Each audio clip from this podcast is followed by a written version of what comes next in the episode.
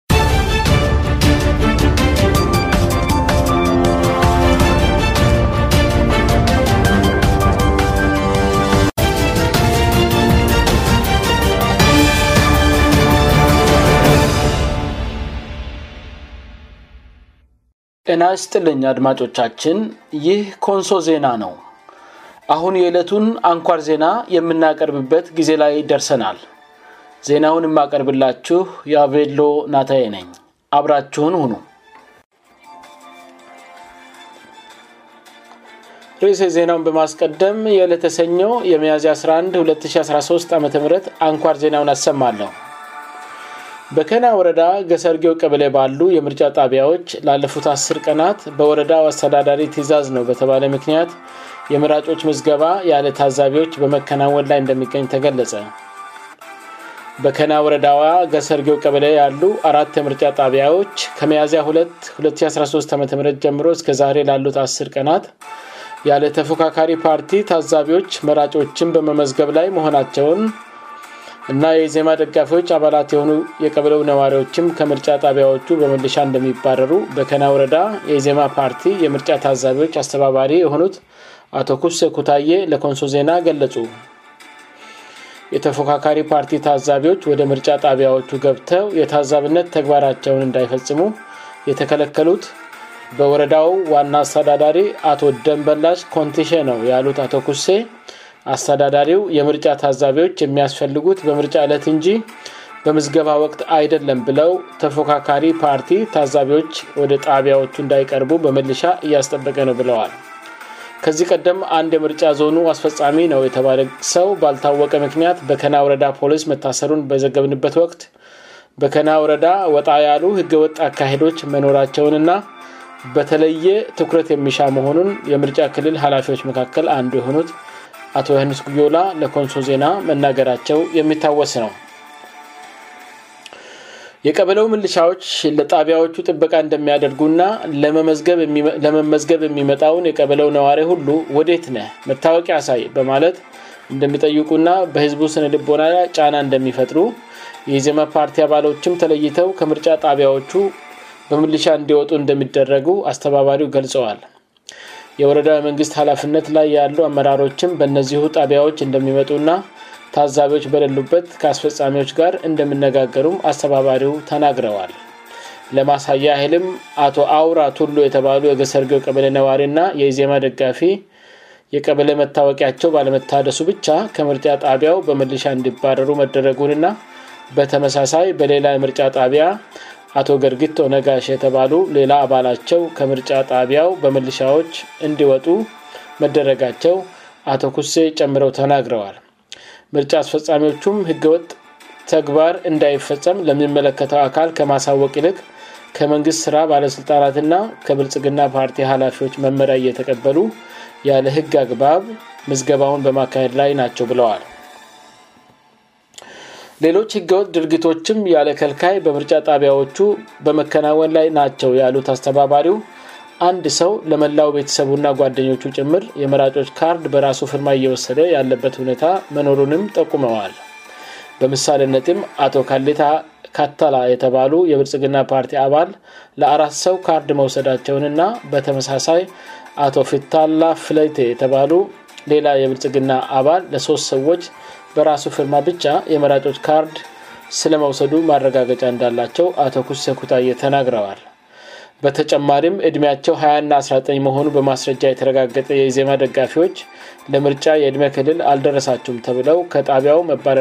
መባረራቸው ተገልጸዋል የምርጫ ጣቢያዎቹ በምልሻዎች መጠበቅና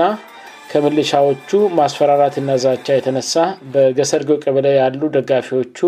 ምርጫውን በተመለከተ የተስፋ መቁረጥ ስሜት ውስጥ እየገቡ ነው ሲሉም ገልጸዋል በገሰርጌው ቀበለ የሚገኙ አራቱ የምርጫ ጣቢያዎች ከመያዝያ ሁለት ጀምሮ ላለፉት አስር ቀናት መዝገባ ሲያካሄዱ አንድም የተፎካካሪ ፓርቲ ታዛቢ አለመገኘቱ የተመደቡ ታዛቢዎችን ባነጋገንበት ወቅት ለማረጋገጥ ችለናል ምርጫ አስፈጻሚዎቹ ከሰለጠኑበት መመሪያ ውጭ እንዴት የመራጮች መዝገባውን ማከናወን እንደቻሉ ለማጣራት ከአስፈፃሚዎቹ መካከል የምርጫ ጣቢያ አንድ አስፈፃሚ እንደሆኑ ያረጋገጡልን አቶ ኬለ ክራርሳ የተባሉ አስፈፃሚን በስልክ አግኝተን ባነጋገንበት ወቅት የተፎካካሪ ፓርቲ ታዛቢዎች ጣቢያዎቹ ላይ መግባት እንዳልቻሉ መረጃ ደርሰናልእና ስለጉዳዩ ምን ይላሉ ብለን ለጠይቅ ናቸው ጥያቄ ሲመልሱ መጀመሪያ ላይ ሁሉም ታዛቢዎች አሉ ብለው መናገራቸውን እናም እሳቸው ባሉበት የምርጫ ጣቢያ ከእሳቸው ጋር በመታዘብ ላይ ያሉትን የብልጽግናና የኢዘማ ፓርቲ ታዛቢዎችን በስም እንዲጠቅሱልን ሲጠየቁ መቆጣታቸውን እና ስማቸውን አልሰጣችሁም ማለታቸው ተገልጸዋል በአካል ግን መጥታችሁ ማየት ትችላላችሁ ያሉን ሲሆን ታዛቢዎች የሉም ለሚሉቱ ምላሽ የሆን ዘንድ ስማቸውን ብቻ ስጡን ሲባሉ ግን ስልከንኬት ታገኛችሁት ማለት እንደጀመሩና መቆጣታቸው ታውቋል እንድረጋጉ በመጠየቅ ስለ ሁኔታው እንዲያስረዱን ሲጠየቁ እንደውም የሚሰጣችሁ ምንም መረጃ የለም እኔ መረጃ የሚሰጠው ስልጠናውን ለሰጠኝ ለአቶ ዮናስ ነው ስሉም ተደምጠዋል የምርጫ ጣቢያዎቹ ኃላፊ እሳቸው መሆናቸውን ገልጸው ከፈለግን አቶ ኬሌኬራርሳ መረጃ ለማንም አልሰጥም ብለዋል ብላችሁ ዜናችሁ መዘገብት ይችላላችሁ ብለዋል በሌላ በኩል ያነጋገር ናቸውና ከጣቢያዎቹ በአንዱ የኢዜማ ፓርቲ ታዛቢ ተደርገው የተመደቡት አቶ ግርማ ግስላ ጉዳዩን ልባት እንዲያገኝ የዞኑ የምርጫ ክልል ኃላፊዎች መካከል አንዱ ለሆኑት ለአቶ ዮሐንስ ጉዮላ በስልክ ማሳወቃቸውንና በበላይ አመራሮቻቸው በኩልም በደብዳቤ ማሳወቃቸውን ገልጸው በምርጫ ክልል ኃላፊዎች በኩል ጉዳዩን ለመፍታት ቅዳሜ ሚያዚ9 ከጠዋቱ አራት ሰዓት እንመጣለን እና ጠብቁን እንዳሏቸውና ሆኖም እንዳልመጡላቸው አቶ ግርማ ተናግረዋል ከዚያ በኋላም በአቶ ዮሐንስ ስልክ ላይ በተደጋጋሚ ቢደውሉም ስልክ እንደማያነሱላቸው ና ከዚህም የተነሳ ላለፉት አስ ቀናት ምንም ታዛቢ በሌለበት የገሰርጌው ቀበለ የመራጮች መዝገባ እየተገባደደ ነው ብለዋል ጉዳዩን ለማጣራት አቶ ዮሐንስ ጋር በተደጋጋሚ የደውልን ሲሆን ስልካቸው ልሰራልን አልቻለም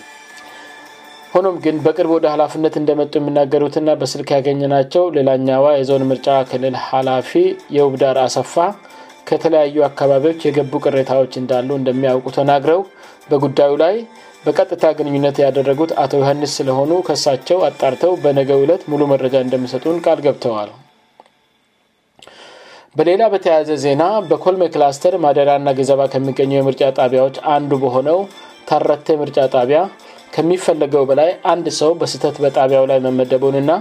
ምንም እንኳን አስፈፃሚው ስልጠና የወሰደ ቢሆንም እንድቀነስ በመታየቁ ፈቃደኛ ባለመሆኑ ከትላን ጀምሮ በጣቢያው ጭቅጭቅ በመኖሩ ጣቢያው በአግባቡ አገልግሎት መስጠት አልቻለም ስሉ የጣቢያው ሀላፊ አቶ ይሳአቅ ገናሌ ለኮንሶ ዜና ገለጹ ጉዳይን ለዞኑ የምርጫ ክልል ኃላፊዎች ያስታወቁ ቢሆንም እስካሁን እልባት ስላልተበጀለት ስራቸውን በአግባቡ እንዳይሰሩ ጫና እየተደረገባቸው መሆኑንም ተናግረዋል የዞኑ የምርጫ ክልል ኃላፊዎች ጉዳዩን በቶሎ ካልፈቱላቸው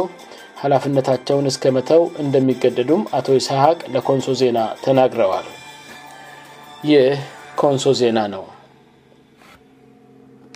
አድማጮቻችን የዕለቱ አንኳር ዜናችን ይህን ይመስል ነበር ስላዳመጣችሁን እናመሰግናለን ደህና ቆዩን